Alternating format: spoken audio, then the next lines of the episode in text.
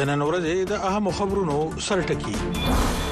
پاکستان تحریک انصاف په ټاکنو کې د خپل حمایت یافته آزاد امیدوارانو په سونی اتحاد کونسل کې د ورګډولو اعلان کړی بلوچستان شمالي وزیرستان او بنو کې نن هم په ټاکنو کې د درغلو خلاف احتجاجونه شوي او پټان کې پښپګو پولیس سټیشنونو د بیا ټاکنو په وخت پولیس وای یو بریټکون کې وجل دي د اسلام آباد های کورټ د لا درک شو بلوچ طالب علمانو د راخوشي کولو په مقدمه کې نگران وزیر اعظم انوار الحق کاکړ یو ځل بیا عدالت ته غوښتي او عدالت د بلوچ زکونکو د مندلو لپاره د استخباراتي ادارو د مشرانو درې کسیزه کمیټه جوړولو امر هم کړی په قطر دوحه کې د ملګرو ملتونو په مشرۍ د افغانستان په اړه د نړۍ د یو شمېر خصوصي استادو د ورځنې غونډه سره رسیدلې او د ملګرو ملتونو سکرټري جنرال انټونیو ګوټریش ویلي که طالبانو پکې ګډون کړي وو نو خبر خو د هغوی نه ګډون به څه اغیزه ونه کړي او د روس په یو جیل کې د مرشوي حکومت مخالف لیډر الکسي نیوالني مورتا نن په دریم ورځ هم د جیل چارواکو د زوی مړې نه دی ورکړي قانوني ټیم یې ویلي مور یې د یورپی هیوادونو خارجه وزیرانو سره لیدل غواړي د سرټکو سره تړلو او د نورو رپورټونو لپاره د وی او ای ډیو سره ملوسه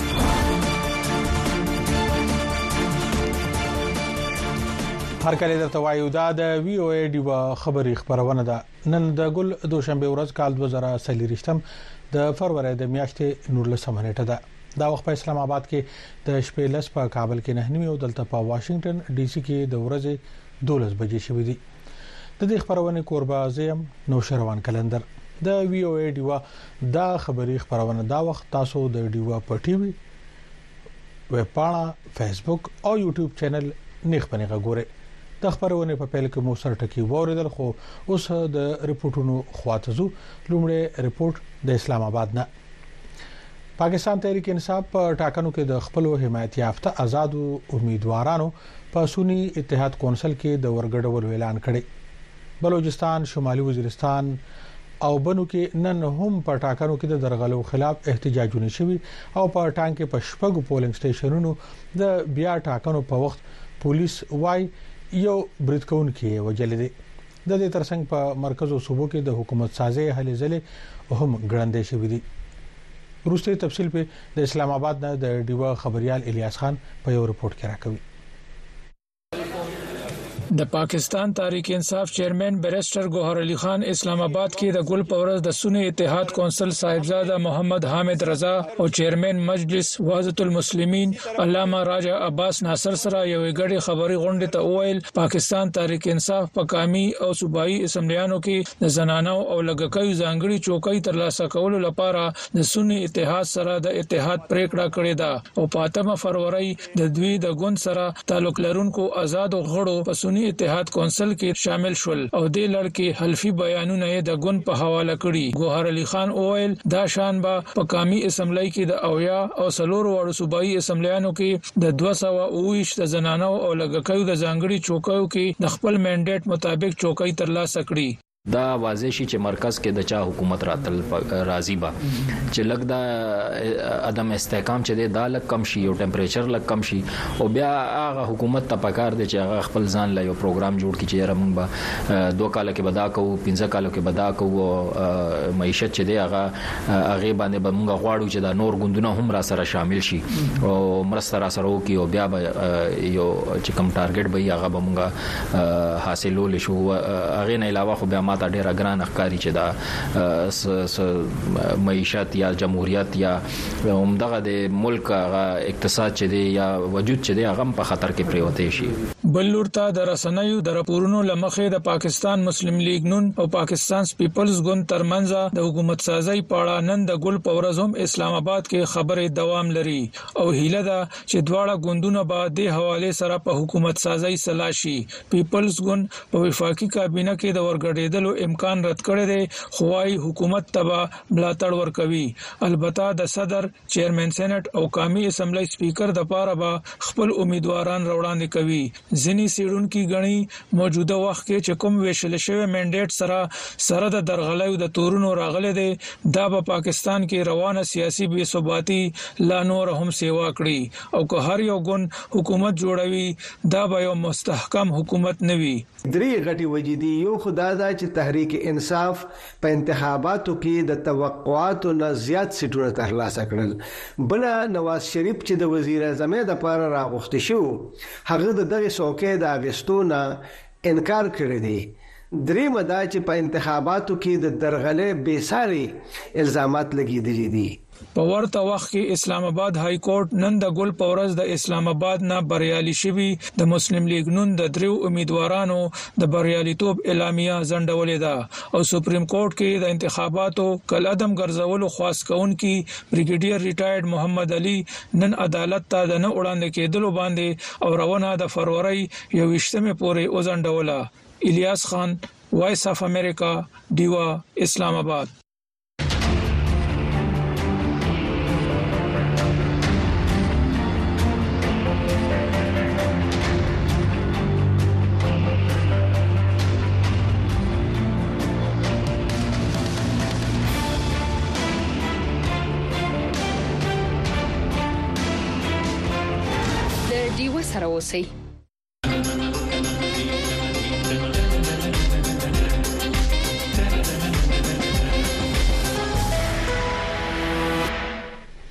د اسلام آباد ترڅنګ دا چې په خیبر پښتونخوا کې د ټاکنو د نتیجو راتلو وروسته سهل ځل روان دي په خیبر پښتونخوا کې د پاکستان تحریک انصاف ملاتړي آزاد کامیاب شوی امیدواران وایي په صوبه کې د حکومت جوړولو لپاره هلې ځلې روان دي د تحریک انصاف لخوا د وزیر اعلی څوکۍ د پاره نومول شوی علي وزیر علي امین ګنډاپور وای د دوو ګوندونو سره خبرې روان دي او زرد چې کوم ګوند کې به د شاملېدو پریکړه وکړي نور حال د پیښور نه د ډیوه خبريال ارشد مومند په دې رپورت کې راکوي په خیبر پښتونخوا کې د وزیر اعلی د څوکۍ د پاره نومول شوی الیمین ګنداپور وای د دوی آزاد امیدوارو د ګډون د پاره د دوو سیاسي ګوندونو سره خبرې روانې دي نوموړي د دغه ګوندونو نمونه وانه خستل خو سیاسي کارپوهان وایي چې د وحدت المسلمین او سنی تحریک ګوندونو کې ګډون امکان لري علي امین ګنداپور ویل زموږ د قانونپوهانو ټیم او د کمیټې غړي لګیا دي چې مرکز او صوبه کې یو ګوند سره اتحاد کیدی شي او که نه. ضروري نه ده چې یوه پارټي وي چې څه پریکړه وشي هغه به مخې ته راشي. د خیبر پښتونخوا د الیکشن کمیشن چارواکو ډیوه ته ویلي، د ګل ورځې دولسو بجو پورې د درې نوي امیدوارانو د کامیابۍ نوټیفیکیشن جاري کړی. په دې کې زیاتره د پاکستان تحریک انصاف ملاتړي کامیاب شوي ازاد امیدواران دي. چارواکو ویلي، د نوټیفیکیشن جاري کیدو وروسته درې ورځو کې دننه به ازاد امیدوارانو ته کوم ګوند کې ګډون کولي. د خیبر پښتونخوا پخواني د تعلیم وزیر عتیق خان وویل، د پاکستان تحریک انصاف ګوند غړي د سخت دباو لاندې ساتل شوي دي او د الیکشن په روڼوالي د بېلابېلو ګوندونو له خوا د درغلیو ټکونه کېږي. عجیبه خبره دا ده چې کومې پارټۍ وبیلي نو هغوی دا وایي چې دا نیل شوې ده خو دې پېرېله خو زموږ مکسیمم سیټونه دي او موږ هم دا وایو چې دا الیکشن ټیک نه دی شوی د الیکشن نه مخکې هم، د الیکشن پر ورځ هم، د الیکشن نه پس هم دا کریډیبل الیکشن نه دی. په مرکز کې پاکستان مسلم لیګ نون سره د نورو سیاسي ګوندونو اتحادیه او تحریک انصاف د حکومت جوړولو اعلان کړی دی تحریک انصاف آزاد غړو په خیبر پښتونخوا کې تر ټولو زیاتې د صوبایي اسمبلی څوکۍ ګټلې دي سیړونکو وایي ښکاری چې په مرکز پنجاب بلوچستان او سند کې مسلم لیګ نون او د پیپلز پارټي اتحادیه ګوندونه حکومت جوړولو کې کامیاب شي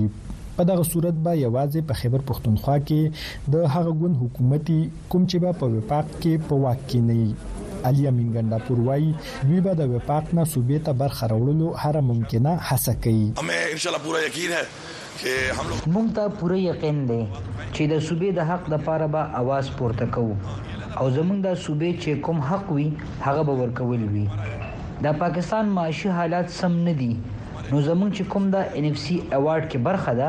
یا د بجلۍ په مد کې چې کومې پیسې دي هغې دپاره موږ هغوی ته وخت ورکولی شو چې ټولې پیسې په یو ځل مه راکوی خو دا سوچ کول چې موږ ته به هغه حق نه ملاویږي یا به څوک نه راکوي دا سم خیال نه دی موږ ته خپل حق پکار دی موږ خپل حق په زوره او په سمه اخیستلو باندې پوهیږو. په پاکستان کې د فرورۍ په اتمه نېټه ټاکنې شوې دي، تر اوسه لا هم په خېبر پښتونخوا کې د تحریک انصاف غړي کوم ګوند سره په خبرو نه دي بریالي شوي.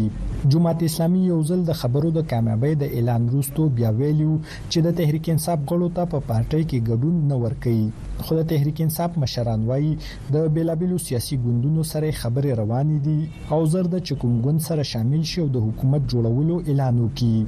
ارشد مومند، وایس اف امریکا، ډیوه، پېښور.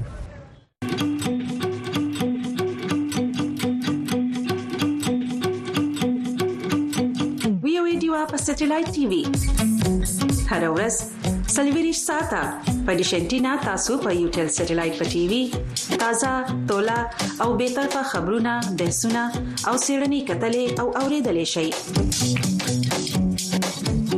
د یوټل سټلایټ فریکوئنسي یا سبې او یا بي او یا اشاریه 15 ایست چینل یو سلدري هر ورځ سلویری ساته لډي وسره اوسئ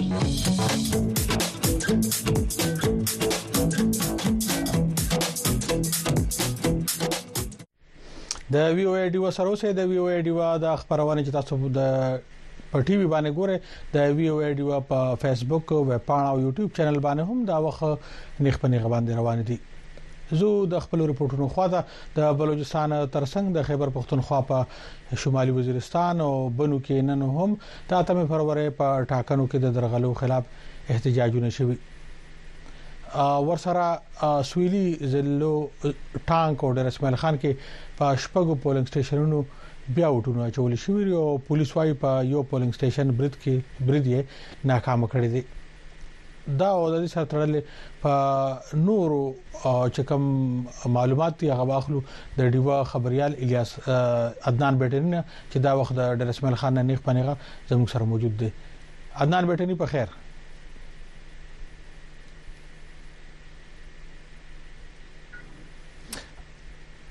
عدنان بیٹرین تاسو ته په خیر علي وایو تاسو زما غږ راځي مهرباني نو سلمان صاحب ها مننه عدنان بټنی صاحب اول خو کوم په دغه خبر کې چې په ټانک او رسمل خان کې په زنو پولنګ سټیشنونو باندې نن بیا وټونه اچول شو یو خو کتون کې په دې خبر کې چې دغه وټونه بیا ولې واچول شو د صد وجنه وړاندې نه وچول شوی او آیا د دغه سنتیجې کوم مخ ته راشي نو س امیدوارانو په نتیجې چې مخکې نه کوم نتیجې موجود دي پاغه به سفر کو ورځي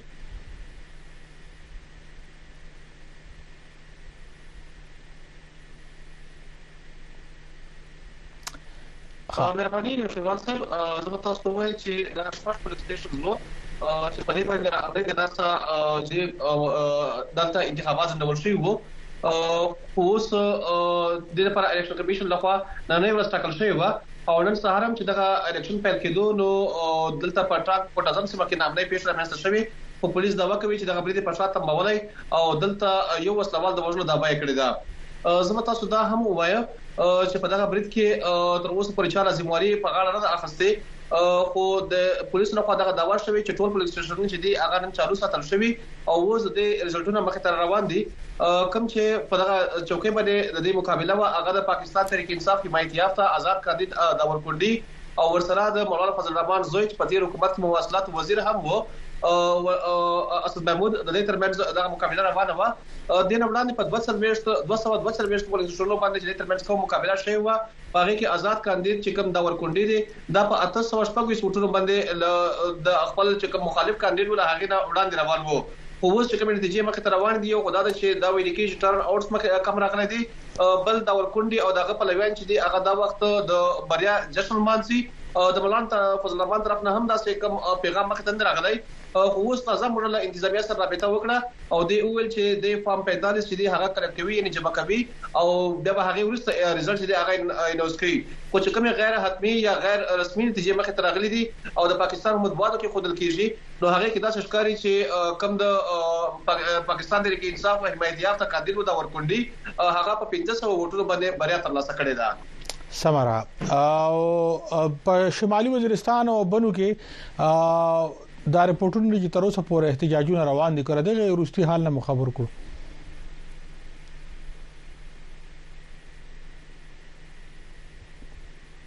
دغه احتجاجونه هم ورسته له هغه پیل شوی چې کله دغه د عام انتخاباتو کوم نتیجې مخ دراغلې وي په شمالي وزیرستان کې د نېشنل ډیموکراټک ګورنمنت ګوند چې دی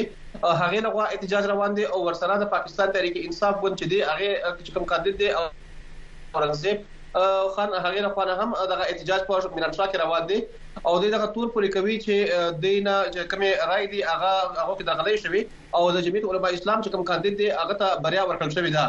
تاسو به دا هم وچ په مسنداور باندې د اتوار پر ورځ باندې یو برید هم تر سره شوی چې دغه تور دی په امنیتي عسکرو باندې پوره کوي او په خپل پولیس هم دا مني چې دلته الغاو ترغاو پر نتیجه کې دغه نتیجه رامخته شوې ده او دغه احتجاج کوونکي یو طرف ته خدا غوښتنه کوي چې دغه احتجاج کوم دلته ټاکل شوې دي هغه دې بیا هغه ته بیا کتنه وشي او دلته دوباره چې دې په دغه حلقه باندې ټاکل وشي ځکه چې دغه انتهایی نه امنیت په صورتحال کې شوې دي او په دې کې درغلي شوې ده بل طرف ته محسن داوړ او پلویان باندې کوم برید شوی په هغه کې څلور کسان وژل شوي او دې دا هم وایي چې دغه مقدمه دې درج کړل شي او دغه تور بیا په انتظامیه او پولیسو او دغه سي په علاقې کې په امنیتي ځواکونو باندې پوره کوي چې دا مقدمه د هغه پر خلاف درج کړل شي خو بل طرف ته پولیس وایي چې د ژمندې علاقې د امنیت لپاره او د دغې پېښې به پلټنې کوي. همدې تر څنګ د بنو په باکاخېل کې چې کوم شاه محمد وزیر و، کوم چې د پاکستان تحریک انصاف حمایت یافته کاندیډ و، د صوبایي اسمبلۍ په څوکۍ باندې او له ده نه بریا ترلاسه کړې د جمعیت علمای اسلام کاندیډ عدنان وزیر، نو تر هغه وروسته اوس شاه محمد وزیر چې دی هغه له خوا نه هم احتجاج دوام لري او بنو میران شاه چې کوم روډ دی هغه د ټریفیک لپاره بند کړی دی او د نه هم دا تور پورې کوي چې د سره په دغه انتخابي ټاکنو کې درغلي شوې دي ډیر مننه تاسو ودنار بیٹینی ری تفصیل راکولو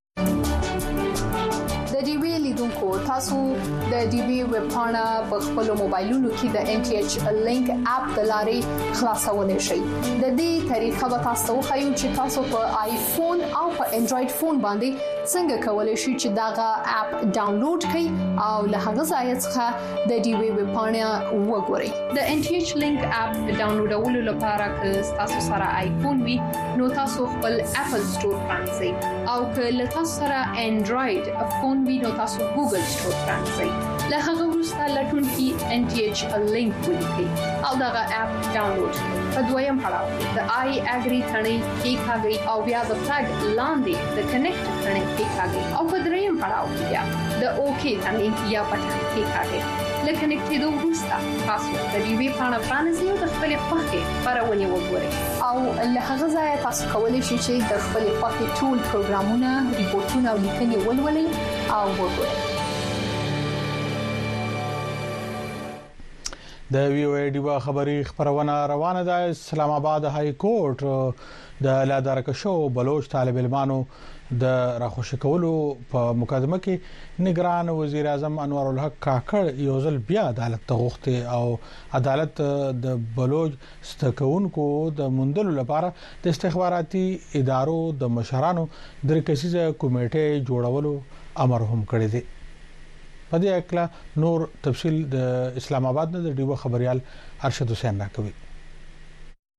د ګل پرز د مقدمې د اوریدنې په مهال د اسلام آباد های کورټ د جج جسټس محسن اخترکیانی وینا وه چې په راتلونکې اوریدنه کې دې د نګران وزیراعظم انوارالحق کاکړ حاضري یقیني کړې شي او دا چې نګران وزیراعظم دې عدالت ته تګ خپل توهین ونه ګڼي. جج محسن اختر کیاني اټارني جنرل منصور عثمان ته وویل، دا څلېریشتمه میاشت روانه ده، خو تر اوسه پورې ټول ورک بلوچ طالب علمان بازیاب نه کړی شول او دولس لا درکه زده کوونکي لا هم نه دي خوشې کړی شوی. اټارني جنرل عدالت ته وویل، د هغه د معلوماتو تر مخه تر اوسه پورې یوازې اته طالب علمان نه دي بازیاب کړی شوی. مزید آج میں نے کورٹ کو یہ انفارم نن ما عدالت ته دا هم ویلي، د کله نه چې اټارني جنرل عدالت ته دا باور ورکړی چې نور به څوک نه لادرکه کولی شي، خو د هغې وروسته نږدې دوولس کسان یوازې د بلوچستان څخه په جبري توګه لادرکه کړی شوي دي. بلوچستان سې جبراً لاپتا کیې ګئې. اسلام اباد هايکورټ په جبري توګه د لادرکه بلوچ طالب علمانو د بازيابۍ لپاره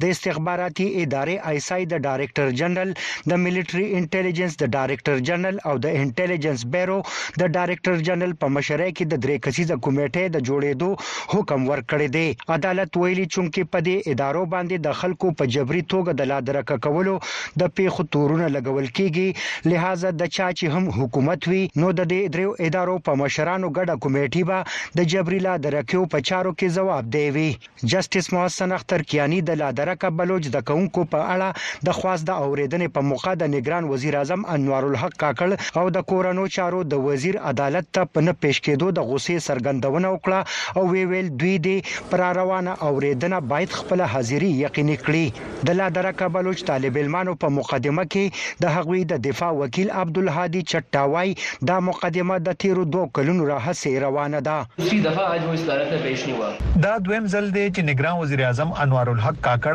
عدالت ته وړاندې نه شو. هغه د دې عدالت سپکاوی کوي، د عدالت حکم سنجیده نه اخلي او دا ښودل غواړي چې زه خپل ځان د قانون تابع نه ګڼم. اپنے آپ کو قانون کے تابع نہیں سمجھتا۔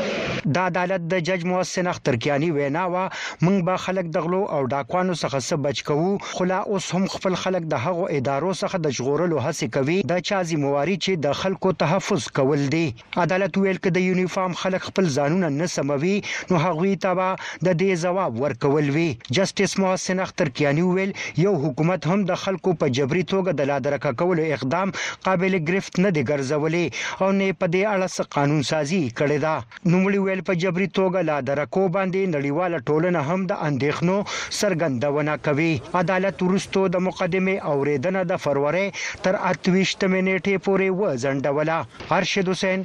وایس اف امریکا، ډیوه، اسلام اباد.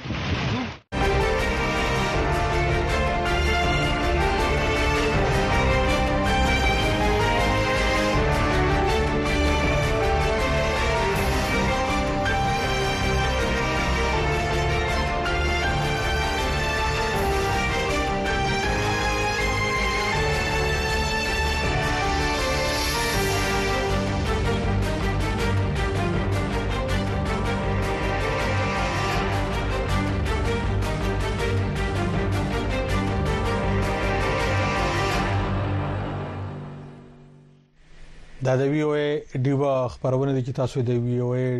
ډیوا ټي وي ترڅنګ د وی او ای ډیوا په فیسبوک ویب پاڼه او یوټیوب چینل باندې هم نه خبرونه غواړئ د افغانستان او پاکستان په پوله چمن لار باندې چې دا وخت د 1300 میاشتو راځي کم احتجاج کوونکي ناشتي او هغه وی چې د پاسپورت او د ویزه شرط چې د پاکستان له خوا خو دي شوی دغه نه مني نن د ګل دوشنبه په ورځ په چمن کې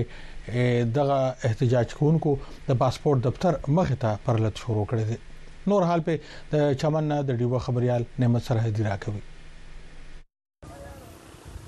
په چمن کې د آل پارټۍ ستاجر له غړي اتحاد پرلت ویاند صادق خان اڅکزي وویل چې د خپلو احتجاجونو د دوام په بل پړاو کې نن د دوشنبې په ورځ یې د چمن د پاسپورټ دفتر و مخې ته کانټینرونه کښېښودل او د دفتر لاره یې بنده کړل او خپل پرلت یې شروع کړی. د پرلت ویاند په خبره چې پاکستان حکومت ځايي خلک پر پاسپورټ جوړولو باندې مجبوره کوي چې بیا پر ویزې باندې د چمن بابې دوستي دروازه باندې واوړي او راواوړي. اوس به هغه دفترونه بندیږي چې هغه مایګریشن دی، هغه ډي سي آفس دی، کسټم دی، اې بي آر دی، خزانه آفس دی، نور موږ نور هیڅ چې زما د کور کې وړنی وچ وړنی او زموږ خلک بې روزګاره خودکشي کوي ماشومان مري نو موږ به دا یو خبره خامخا کوو چې موږ نور کسرونه کې زی موږ به دا ګامو ته لاس ورچو دا زموږ جمهوریت عمل دی د پرلتوالو له اړخه دغه نوي ګام اخستلو له امله په چمن پاسپورت دفتر کې کار بند شو. مخکې حکومتي چارواکو ویلي وو چې د چمن د سیمې خلکو ته پاسپورت جوړولو کې اسانتیا ورکولو لپاره د پاسپورت په دفتر کې د چارواکو شمېر نور هم ورزیات کړی چې د سیمې خلک په زیات تعداد کې پاسپورټونه جوړ کړي. دا وخت پر پاسپورت دفتر کې پاسپورت جوړولو لپاره د خلکو ګڼه ګوڼه هم ډیر زیات لیدل کېدل د بلوچستان حکومت د اطلاعاتو نگران وزیر جان محمد اسکزي سره د پرله دغه نیو ګام اخستو باندې د حکومت د ریز اخستلو لپاره د رابطې نیولو ډیرې هڅې وی او ډیوا وکړې خو هغه په جواب کې څه ویلو ته تیار نه وو جان اسکزي د چمن د پرلت په اړه د فروری پر دویمه په یو ویډیو پیغام کې ویلي وو چې پاکستان حکومت د پاسپورټ ویزې شرط د عملي کولو د پریکړې پس لارې له بندیدو څخه اغیزمنو کورنۍ ته به مالي مرستې ورکول کیږي. اڅکزي د جنوري په پنځلس مه په کوټه کې یوې خبري غونډه کې ویلي وو چې له افغانستان سره تګ او راتګ له پاره د پاسپورټ او ویزې شرط په سختي سره عملي کیږي واوهیچاته له اسنادو پرته د سفر اجازه نه ورکوي. خو د پرلت کمېټۍ يو مشر غوث الله اڅکزی وايي، څه پرلت کې ګډ سياسي ګوندونو په مشترکه تور دغه ګام اخستلو پرېکړه کړې ده او که حکومت يې غوښتنې ونه منلې نو نور سرکاري دفترونه به هم بندوي. موږ به د رياست اوس مخ په تندي ورځو، که څوک موږ ولي، که څوک موږ په جېلو چښي، که څوک زموږ سره څه کوي، موږ د دې وطن، د دې ولس، د دې عوامو لپاره زموږ د روزګار، زموږ د ستړو، مسله ده چې زموږ بچان دلته د لوږې مري زموږ ځوانان خودکشي کوي زموږ ځوانان ځانونه لالي د دې نه پستنګي سبب موږ د ریاست او دفترو ته کښینو موږ به د کم د کشتم لا کشتم ګټونو یغه تړو د تیر کال د اکتوبر د شلمې رئیس آل پارټي ستاجر لغړي اتحاد د پاسپورت او ویزې لازمه کولو خلاف دلته په چمن کې په احتجاج بوخت ده دغه احتجاج کوونکي د پخوا په څېر پر پاکستاني شناخته کارت پر افغان تذکرې پر پوله د ازاد تګ و راتګ غوښتنه کوي او د دې لپاره د نومبر د شلمې راهیسې د چمن او سپین بولدک ترمنځ لوی لاره هم د هر ډول تجارت په مخ تړلې ده چې ټوله قسمه تجارتي چارې هم په ټپه ولاړې دي دوې ورځې وړاندې پرلت کمېټې د سیمې د علماو او سوداګرو د سازمان د غړو او د ټرانسپورت د نمایندګۍ مشرانو پر خواست د تېرو دريو مياشتو راهيسې د باب دوستي دروازې او د پرلت د ځای په منځ کې بند پاته په سلګونو ګاډيو ته د تګ اجازه ورکړل شوه، خو په دغه مهال د پرلت کمېټۍ مشرانو ويلي وو چې دغه روان پرلت به نور سختوو چې پاکستان حکومت د دوی غوښتنې ومني. نعمت الله سرحدي، وي او ای ډيوه ټي وي، چمن.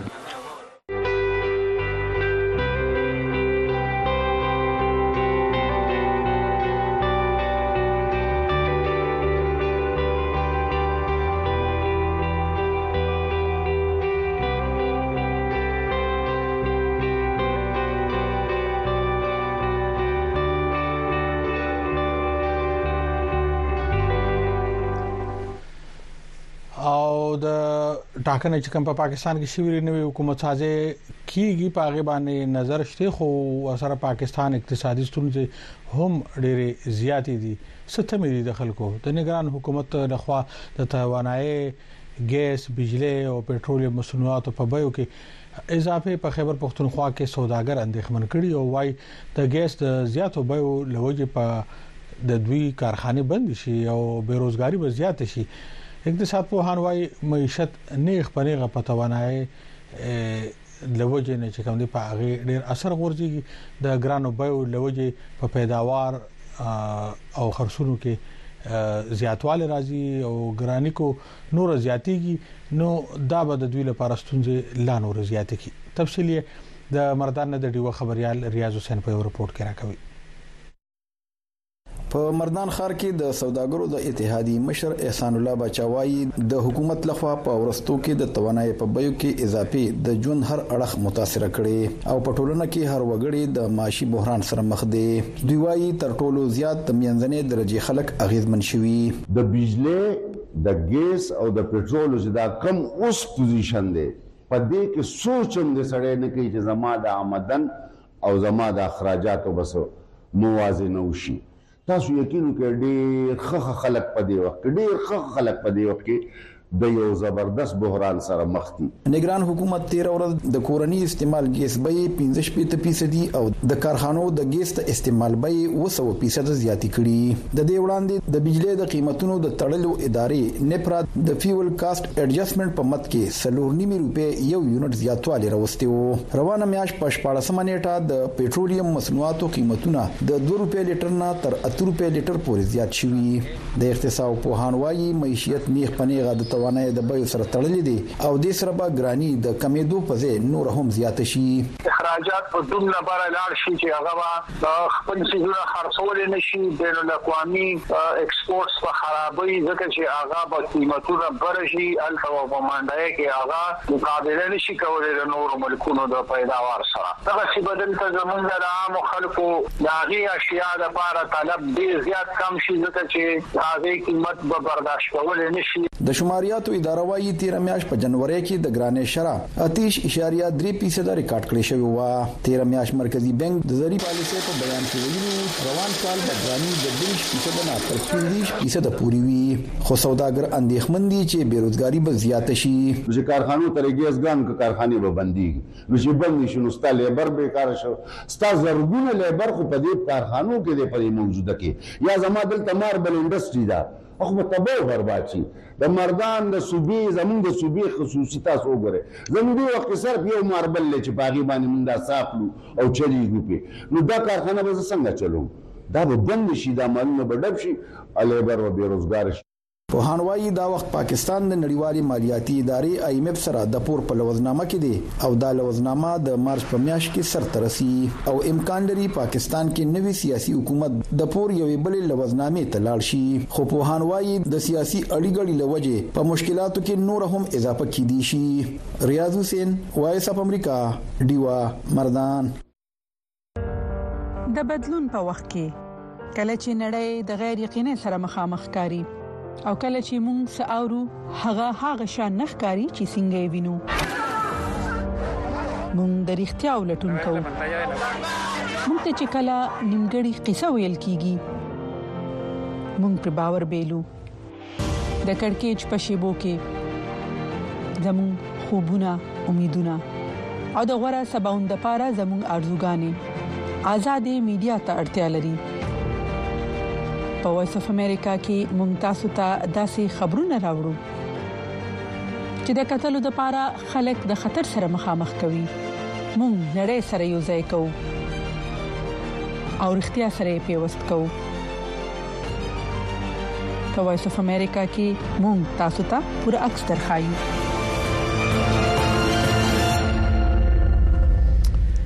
د وی او ای ډیوا خبری خبرونه روانه ده او په دوه قطر کې د ملګرو ملتونو د مشره د لاندې یو غونډه شوې ده د افغانستان په اړه باندې په دغه غونډه کې د نړۍ یو شمېر خصوصي استازو په دغه دوه ورځنې غونډه کې ګډون کړی او دغه غونډه اوس سر ته رسیدلې ده د ملګرو ملتونو سیکرټري جنرال انټونیو ګوټرش ویلي چې طالبانو پکې ګډون کړی وینو خبره خو کو ګډون یو نه کړنو څه اغیزه به هم ونکړي په دې اکل باندې د وی او ای آشنا همکار سليمان آشنا یو رپورت درته وړاندې کوو په دوحه کې د افغانستان په وضعیت د جوړې شوې غونډې ګډونوالو رسنیو ته ویلي چې ملګري ملتونه هڅه کوي پر دریو مهمو مسایلو غور وکړي د افغانستان په وضعیت یو عمومي نړیواله اجماع جوړه شي طالبان اړ کړل شي چې خپل دریزونه بدل کړي او دا چې د افغانستان سیاسي راتلونکي په څه ډول باثباته شي په افغانستان کې د امریکا په خوانی سفیر امریکا غږ ته په دې اړه وویل چې طالبان د نړۍ د اوسنی تعامل نه ډیره ګټه اخلي نړیواله ټولنه ورته مرسته لیږي چې اکثریت ولس یې پرې متکي دی. طالبان بې شکه چې له هر هغه ډالر څخه خپل سهم اخلي چې په یوه یا بل ډول افغانستان ته لیږل کیږي او همدا ډالر افغانستان خوندي ساتلی دی. په عین حال کې یوې سرچینې امریکا غږ ته ویلي چې د غونډې یو شمېر ګډونوال په دې مایوسه وو چې ملګرو ملتونو ونه شو کړای طالبان دې غونډې ته حاضر کړي.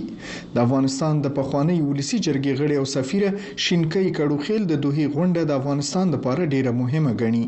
د دوحې غونډه د افغان ولس لپاره یو مهمه غونډه ده د دوی سیاسي پروسې پایل ده په دې هیله چې پایلې پراتلونکو کې د افغانستان لپاره په ختمه مشي د سیاسي چارو چیرونکي زرکه ملیار په دې نظر ده چې د طالبانو ګډون به د دوحې د غونډې اغیز ډیر کړی وي په افغانستان باندې به اغیز په هغه صورت کې ډیر مثبت وي کچیرته په کې د سرپرست حکومت استادو هم ګډون کړی و مګر دلته زه فکر کوم چې ملګرو ملتونو خپل کله چې اجنډا یې جوړوله باید د سفر ځواکینه کار نه اخیسته او د اجنډا یې د سرپرست حکومت سره چې په واقعیت کې د افغانستان د قدرت حقيقي ممثلین دی فعلا په دوحې کې د طالبانو د سیاسي دفتر مشر سهیل شاهین مطبوعاتو ته په یو پیغام کې ویلي چې د دوحې غونډې په ټولو مجلسونو کې د ګډون دپاره یې شرطونه ټاکلي و چې ونه منل شو او له همدې کبله یې په کې له ګډون ډډه وکړه. زه وایم چې د طالبانو نه ګډون په دې غونډه کې طبعاً خپل اثرات به لري ولې دا یوه اشتباه ده چې کله یوه غونډه د افغانستان په مسایلو باندې چې مختلف اړخونه لري په هغه باندې دایریږي دا د هر حکومت او نظام وظیفه ده او مسولیت ده چې باید د خپل خلکو له منافع او لګټو نه باید په سمه توګه نمائندګي وکړي او د غونډې ګډونوال تر ډیره په دې غږیږي چې د افغانستان اوسنیو چارواکو سره څرنګه د هغې خپلواکې ارزونې لمخې تعامل وکړي چې تیر کال د ملګرو ملتونو امنیت شورا په مرسته جوړه شوې وه.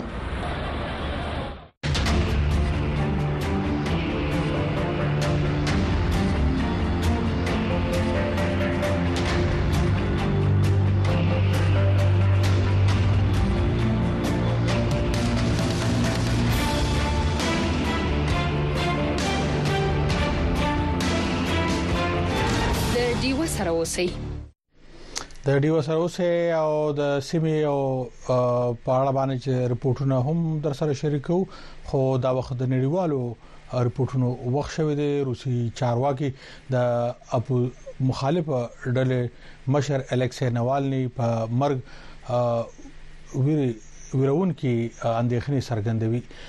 الکسي ناولني د جمعې په ورځ په جیل کې د هغه ورستو چارواکي وایي چې مړ شو چې کله د ګرځېدو او د هغې ورستو بهوش شو د امریکای په شمول د ګڼ شمیر هیوادونو مشرانو د روسیې د ولادیمیر پوتین د ناولې د مړینې ذمہوار بلل دي د وی او خبریال آرش عرب سعدي رپورټ درته د ماوش جلیل په غږ وړاندې کو. په سنت پیټرزبرګ کې سړي د روس د اپوزیشن مشر الکسي ناولني په درناوي د لنډمهاله یادګار نه ګلونه لرې کوي. نږدې سمدلاسه نوي ګلونه د دوی ځای ونیول. یوازې یوه ورځ مخکې پولیسو د ناولني په ویاړ د ګلونو ایښودلو لپاره ماتم کوونکي ونیول. د روس خپلواکې رسنۍ او د بشري حقونو ډلې وي ډي انفو د تېرې اونۍ په پای کې د ناولني د مړینې د خبر د خپرېدو وروسته په دوه دېرش ښارونو کې د څلور سوه پورې کسانو د نیول کېدو خبر ورکړو. ناولني د اوږدې مودې راهسې د کرملین او په ځانګړې توګه د روس د صدر ولادمیر په زر شلم کال په دسمبر کې هغه د روس امنیتي اداره اېف اېس بي تورن کړه چې هغه ته د روس جوړ شوی اعصابي زهر ورکړي دي. روس په رسمي توګه د ناولني مړینې سبب نامعلومه ناروغي وبلله، خو غربي مشران دا نه مني. ناولني نولس کاله د قید سزا تېروله. هېڅ غلطي مه کوئ، پیوټن د ناولني د مړینې ذمه وار دی. پیوټن ذمه وار دی. هغه څه چې ناولني ته پېښ شوي، د پیوټن د وحشت ثبوت دی. هېڅوک دې دوکه نشي. نه په روس کې، نه په کور کې او نه په نړۍ کې هېڅ ځای نه و. د ناولني د مړینې خبر څه کم یوه اونۍ وروسته له هغه راغی چې پخواني صدر ډونالډ ټرمپ په یو لاریون کې خپلو پلویانو ته وویل، که بیا صدر وټاکل شو، نو د ناټو د هغو غړو ملکونو دفاع به نه کوي چې د خپلې برخې اخراجات نه پوره کوي او روس به پرېږدي چې دغو ملکونو سره څه کول غواړي، هغه وکړي. ټرمپ په صدارتي انتخاب کې د ریپبلکن پارټۍ د نامزدګۍ په امیدوارانو کې د مقبولیت په لحاظ تر ټولو وړاندې ګڼل کیږي. که د ګوند نامزدګي ترلاسه کړي، نو د نومبر په میاشت کې کیدونکي انتخاب کې به د صدر جوبایډن سره مقابله کوي. تر دې رپورټ پورې هغه د ناولني په اړه څه نه دي ویلي. کله چې تاسو واورئ ډونالډ ټرمپ یوه اونۍ له مخې په سویلي کارولینا کې وویل چې هغه به پوټین وهڅوي چې موږ په متحدینو برید وکړي که چیرې هغه خپل وزن راټیټ نه کړي نو دا ډیره ځورونکې خبره ده ځکه چې هغه ټول هغه څه چې په یو شپه کې یې وکړل د پوټین ځواکمن کول وو او په دې شیبه کې هغه ټولو هغه څه وکړل چې د هغه سړي ملاتړ وو چې خپل سیاسي مخالفین وژني، هغه د یو داسې غلا ملاتړ کوي چې امریکايي خبریالان نیسي او برمته کوي او د هغه د یو داسې سړي ملاتړ وکړو چې غوښتل یې د روس خلکو ته اشاره وکړي په راتلونکي ټاکنو کې ما مه چلنج کوئ ګنې نو تاسو سره به همدسې کیږي. په میونخ کې په یوه وروستۍ غونډه کې د اوو مخکښو صنعتي هېوادونو د ډلې د بهرنیو چارو وزیرانو د ناولني په یاد کې د یو منټ لپاره خاموشي اختیار کړه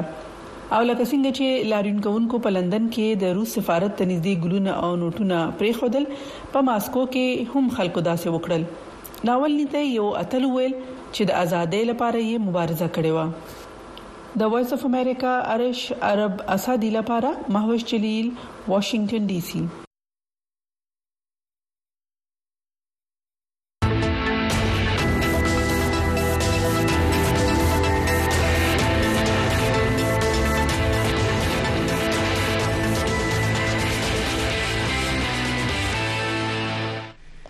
د نړیوالو رپوټونو په برخه کې وخت شوی دی په اسرائیل او حماس جګړه چرته ورسېده په غزا کې د صحت چارواکي وایي نن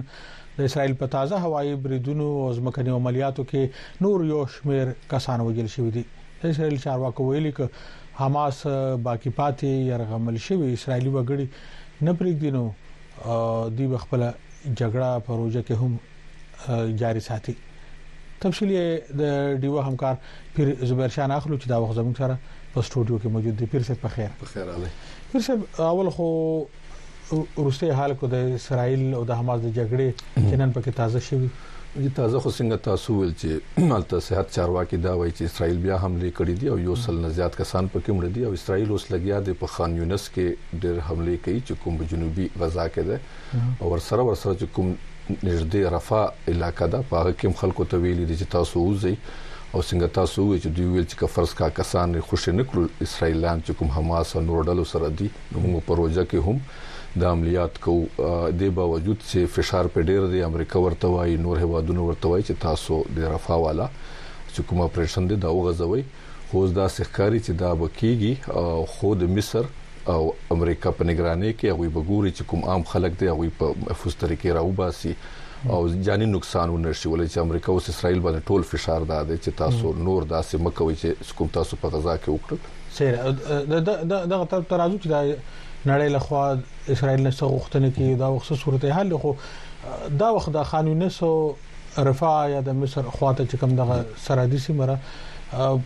په دې باندې ډېر زیات زور راوړل کیږي او اسرائیل هم دغه سیمه ته ورتل غواړي د دې ستراتیژیک اهمیت سره خو جی رفا خدا سره چې یو خو مصر سره بارډر دی نو الته چې سکیږي نو خامخا دا کسان به مصر ته ځي نور لارې بندوي او مصر نه غواړي چې دا کسان راشي یو عرب ملک تاسو ګوري او ورته ویل دي چې موږ به دا خلک نه پرې دوه خپل هغه کې یو خو دا مسله ده بل دا دی چې اسرائیل وایي چې موږ به حماس خامخا ختمو حماس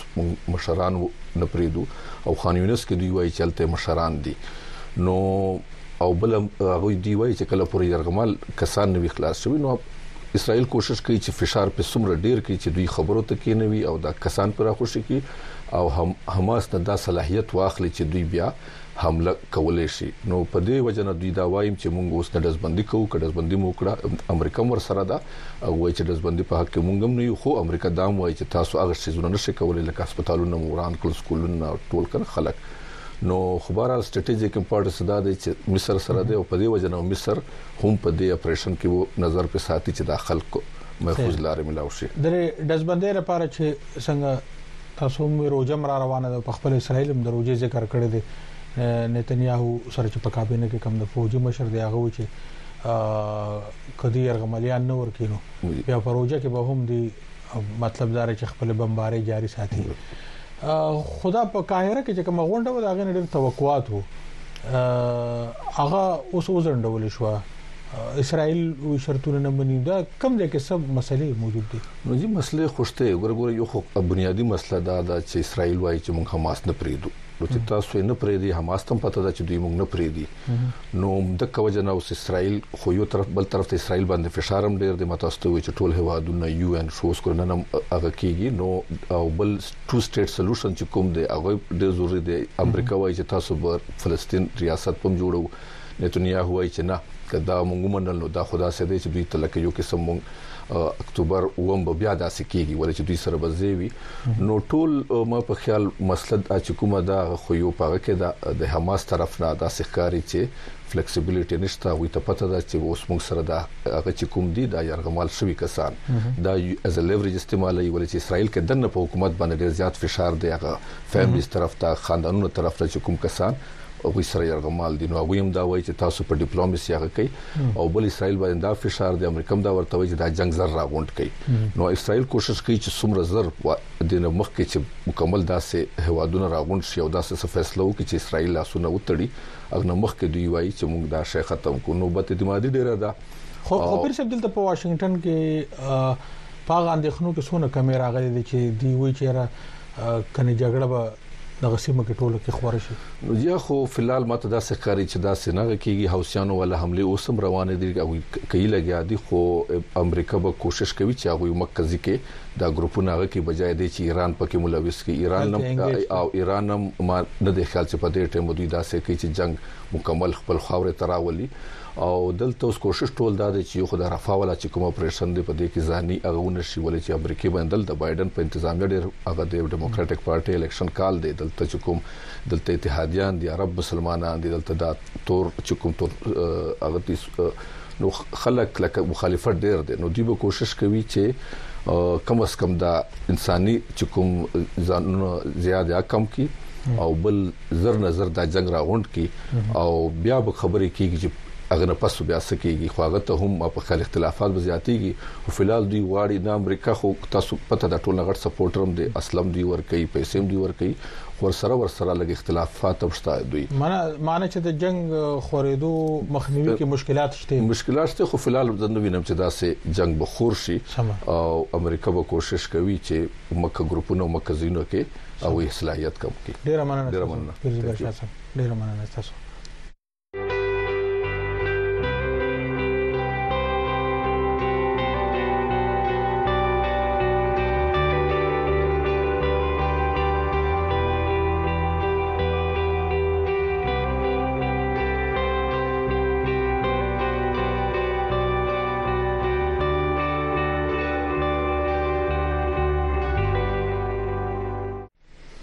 د پیرزوبه شاه سب تبصره مو وورید او زو نوې پرمختیاوي هم شته د ملګرو ملتونو ستر عدالت انصاف د ګل د شنبه په ورځ باندې د فلسطینی ریاست پزماکه د اسرایل د تیر پنځه اویا کالو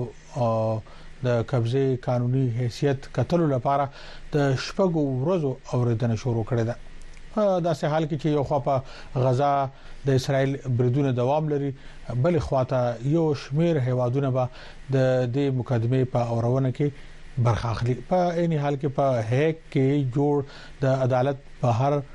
د ځبندې په حق کې احتجاج او مظاهره هم شوې ده نور تفصیل یې د ډیوه همکار محمد علمګیر په یو رپورت کې راکوي په هغه کې د انصاف نړیوال عدالت د ګول یا دوشنبه پر ورځ په فلسطینی خاوره د اسرایل د تیرو 50 کالو د قبضې د قانوني حیثیت په اړه اورونه پیل کړې ده فلسطینیان د غسیمه د آینده ریاست برخه غني عدالت کې موجود فلسطینی ډلې ته د خپل مقدمه وړاندې کولو رومبه موقع ورکړې شو اندازه ده چې دا استازي به عدالت ته دا دلیل وړاندې کوي چې د اسرائیل قبضه غیر قانوني ده ځکه چې د نړیوال قانون له دریو مهم اصولو څخه سرغړونه کوي دوی دریز اختیار کړی دی چې اسرائیل فلسطینی خوره قبضه کړې ده کوم چې نړیوال قانون کې ممانعت لري دویم دا چې اسرائیل فلسطینیان په زور د خپلواکۍ د حق نه محروم ساتلي دي او دریم په خپل خوره د فلسطین خلکو سره نسلی امتیازي سلوک کوي چې اپارټايډ بلل کېږي. که څه هم د دې مقدمې پس منظر په غربي غاړه غزا پټۍ او ختيځ بيت المقدس باندې د اسرائيل د قبضه ده خو ړومبۍ ورځ نه توجه د اسرائيل او حماس جنګ ته وګرځېده. د اې پي خبري ادارې ترمخه اسرائيلي وزيراعظم بنيامين نتنياهو د ګل، دوشنبې، پر ورځ په يو بيان کې وويل، نړیوال عدالت د اورېدنې قانونیت نه مني. هغه ویل په هیګ کې بحث فلسطینیانو د دې کوششونو برخه ده چې ضمانتیانو نه بغیر د سیاسي معاهدې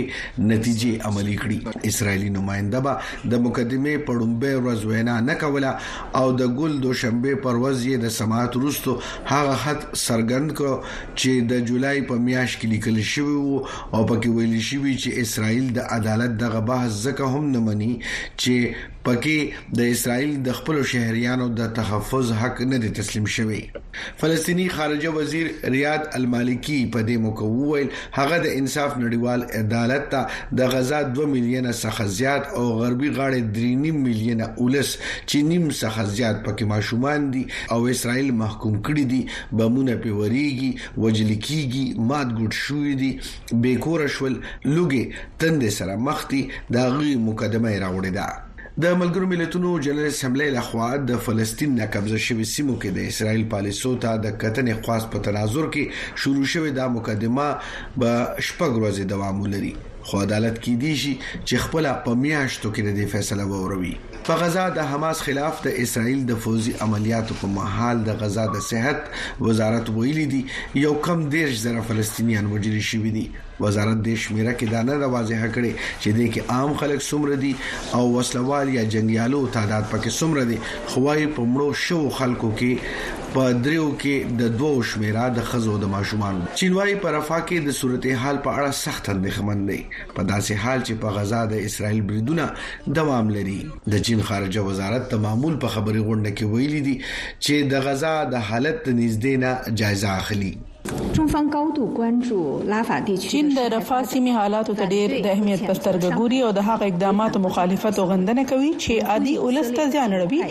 او د نړیوال قانون سرغړونه کوي موږ په اسرائیل د سمدستي ډزبندۍ غږ کوو او اسرائیل دې په هر ممکنه ډول عام ولس ته مرګ ژوبلې نه ډډه وکړي او رفاه کې د یو سخت بشري ناورین جوړېدو مخه ونیسي.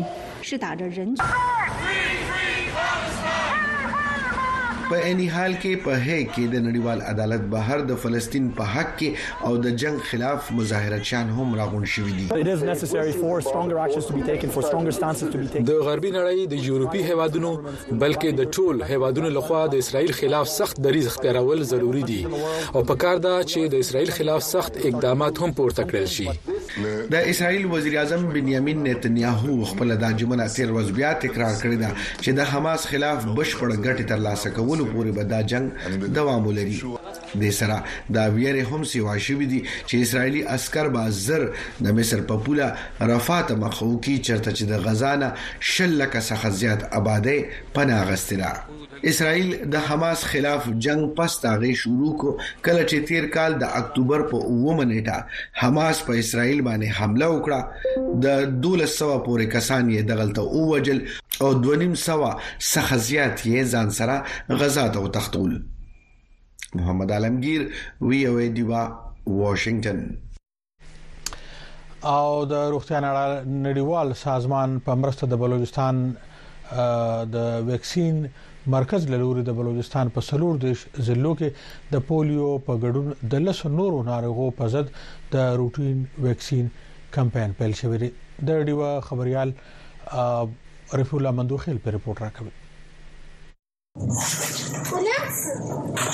په بلوچستان کې روغتيايي چارواکي وایي چې په ټوله صوبه کې په ښاري او کلیوالو سیمو کې د ماشومانو د روټین ویکسین لپاره کمپاین پیل شوی چې په ترڅ کې په ټولو روغتيايي مرکزونو کې ماشومان ویکسین کیږي د ویکسین مرکز ایپیایي چارواکي وایي چې د بلوچستان په څلور دېرش ضلعو کې د ماشومانو د ویکسین کمپاین پیل شوی چې تر شپږویشتمې نېټې پورې به دوام ولري. په کمپاین کې ماشومان د پولیو په ګډون د دوولس ناروغیو پر ضد واکسین کېږي. په ټول بلوچستان کې دا کمپاین په چونتیس ضلعو کې روان دی. دا کمپاین چونکې د هغو بچیانو لپاره دی چې هغه له پیدایشه واخې بیا تر پنځو کلو پورې. مخکې موږ دا کمپاین صرف تر دوو کلو پورې کولی. هغه بچیان چې له کمپاین د پولیو له کمپاین پاتې شوی اوس پیدا شوی مابین کې چې په دغه کې ګیپ راځي د پولیو بیا چې د روټین موږ پکې وکړو روټین ته موږ هغه بچیان نو ته زیات تغور کو ترجیح ورکو چې هغه له پولیو پاتې شوی وي او زیرو ډوز وي نو دا د دولس بیماریو لپاره داستانې لګی نو په دغه باندې په ای پی آی بلوچستان او ورلډ هیلت ارګنایزیشن دا یو دغه کوي چې هغه وقتاً فوقتاً د لپاره یو خصوصي کمپاینونه وکړي. په کمپاین کې کارکوونکي ویکسینیټران وایي چې دوی د ماشومانو د ویکسین ترڅنګ خلکو ته په دې اړه معلومات هم ورکوي. ځینې خلک له ویکسین ریفیوزل وي، خو ډیری بیا د ویکسین په ارزښت خبر وي او حتماً خپل ماشومان پر خپل ټاکلي وخت ویکسین کوي. دلته زموږ د ټیکو خپل یو شیډول نه پولیو ډراپ او کښنی تمرکز مثال زیرو په وی نو کښنی پیدا سوی اول پولیو ورکو بیا غته بی سی جی راځي د ټی بی د پاره کار کوي نو بیا ټیکور لګو زیرو په کښنی هغه اس په 45 دن کې اندر کښنی وی هغه موږ زیرو په وی هغه ته موږ پولیو ډراپ ورکو او بی سی جی ټکر راځي هغه ورلګو تخ کې موږ سره خپل رجستر په رجستر کې ریکارډ لیکو په خپل کارت ور جوړ کو کارت ور جوړو په کارت کې ډیټیل چوز کوم استن په کم تاریخ ولګیدله روغتیا پوهان وایي چې په زیږیدلي ماشومانو کې د نورو ماشومانو په پرتله د پولیو وایرس چانس زیات وي د پولیو ضد څاڅکو ترڅنګ د ماشومانو د روټین ویکسین هم ډیر مهم دي ځکه چې دا د پولیو وایرس په ګډون د دوولس ناروغیو په مخنیوي کې مهم رول لوبوي. رفیع الله مندوخېل، وایس اف امریکا، ډیوه کوټه.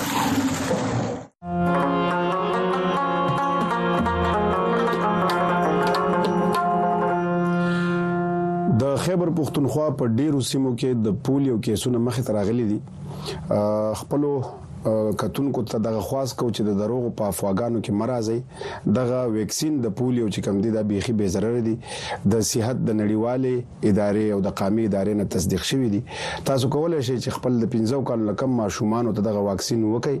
او د ټول عمري مرض نه خپل ماشومان بچ وساتئ.